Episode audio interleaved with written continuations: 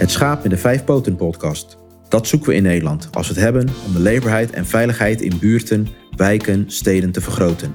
Ook dit jaar maakt het kabinet geld vrij om de leefbaarheid en veiligheid in bepaalde wijken in Nederland te verbeteren. In deze podcast draait het om het delen van kennis. Ik ben Gerald Denijn, de host van deze podcast en zelf opgegroeid in een toenmalige aandachtswijk in Rotterdam-Zuid, Pendrecht. Opgegroeid in een gezin met een goede basis vanuit aandacht en liefde. Dat gold niet voor iedereen die daar woonde.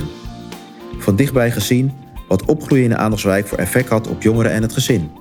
Veel inzichten, ideeën, kennis en praktijkervaring over aandachtswijken zijn voorhanden, maar zijn deels bekend. Vanuit deze podcast wordt dat gedeeld.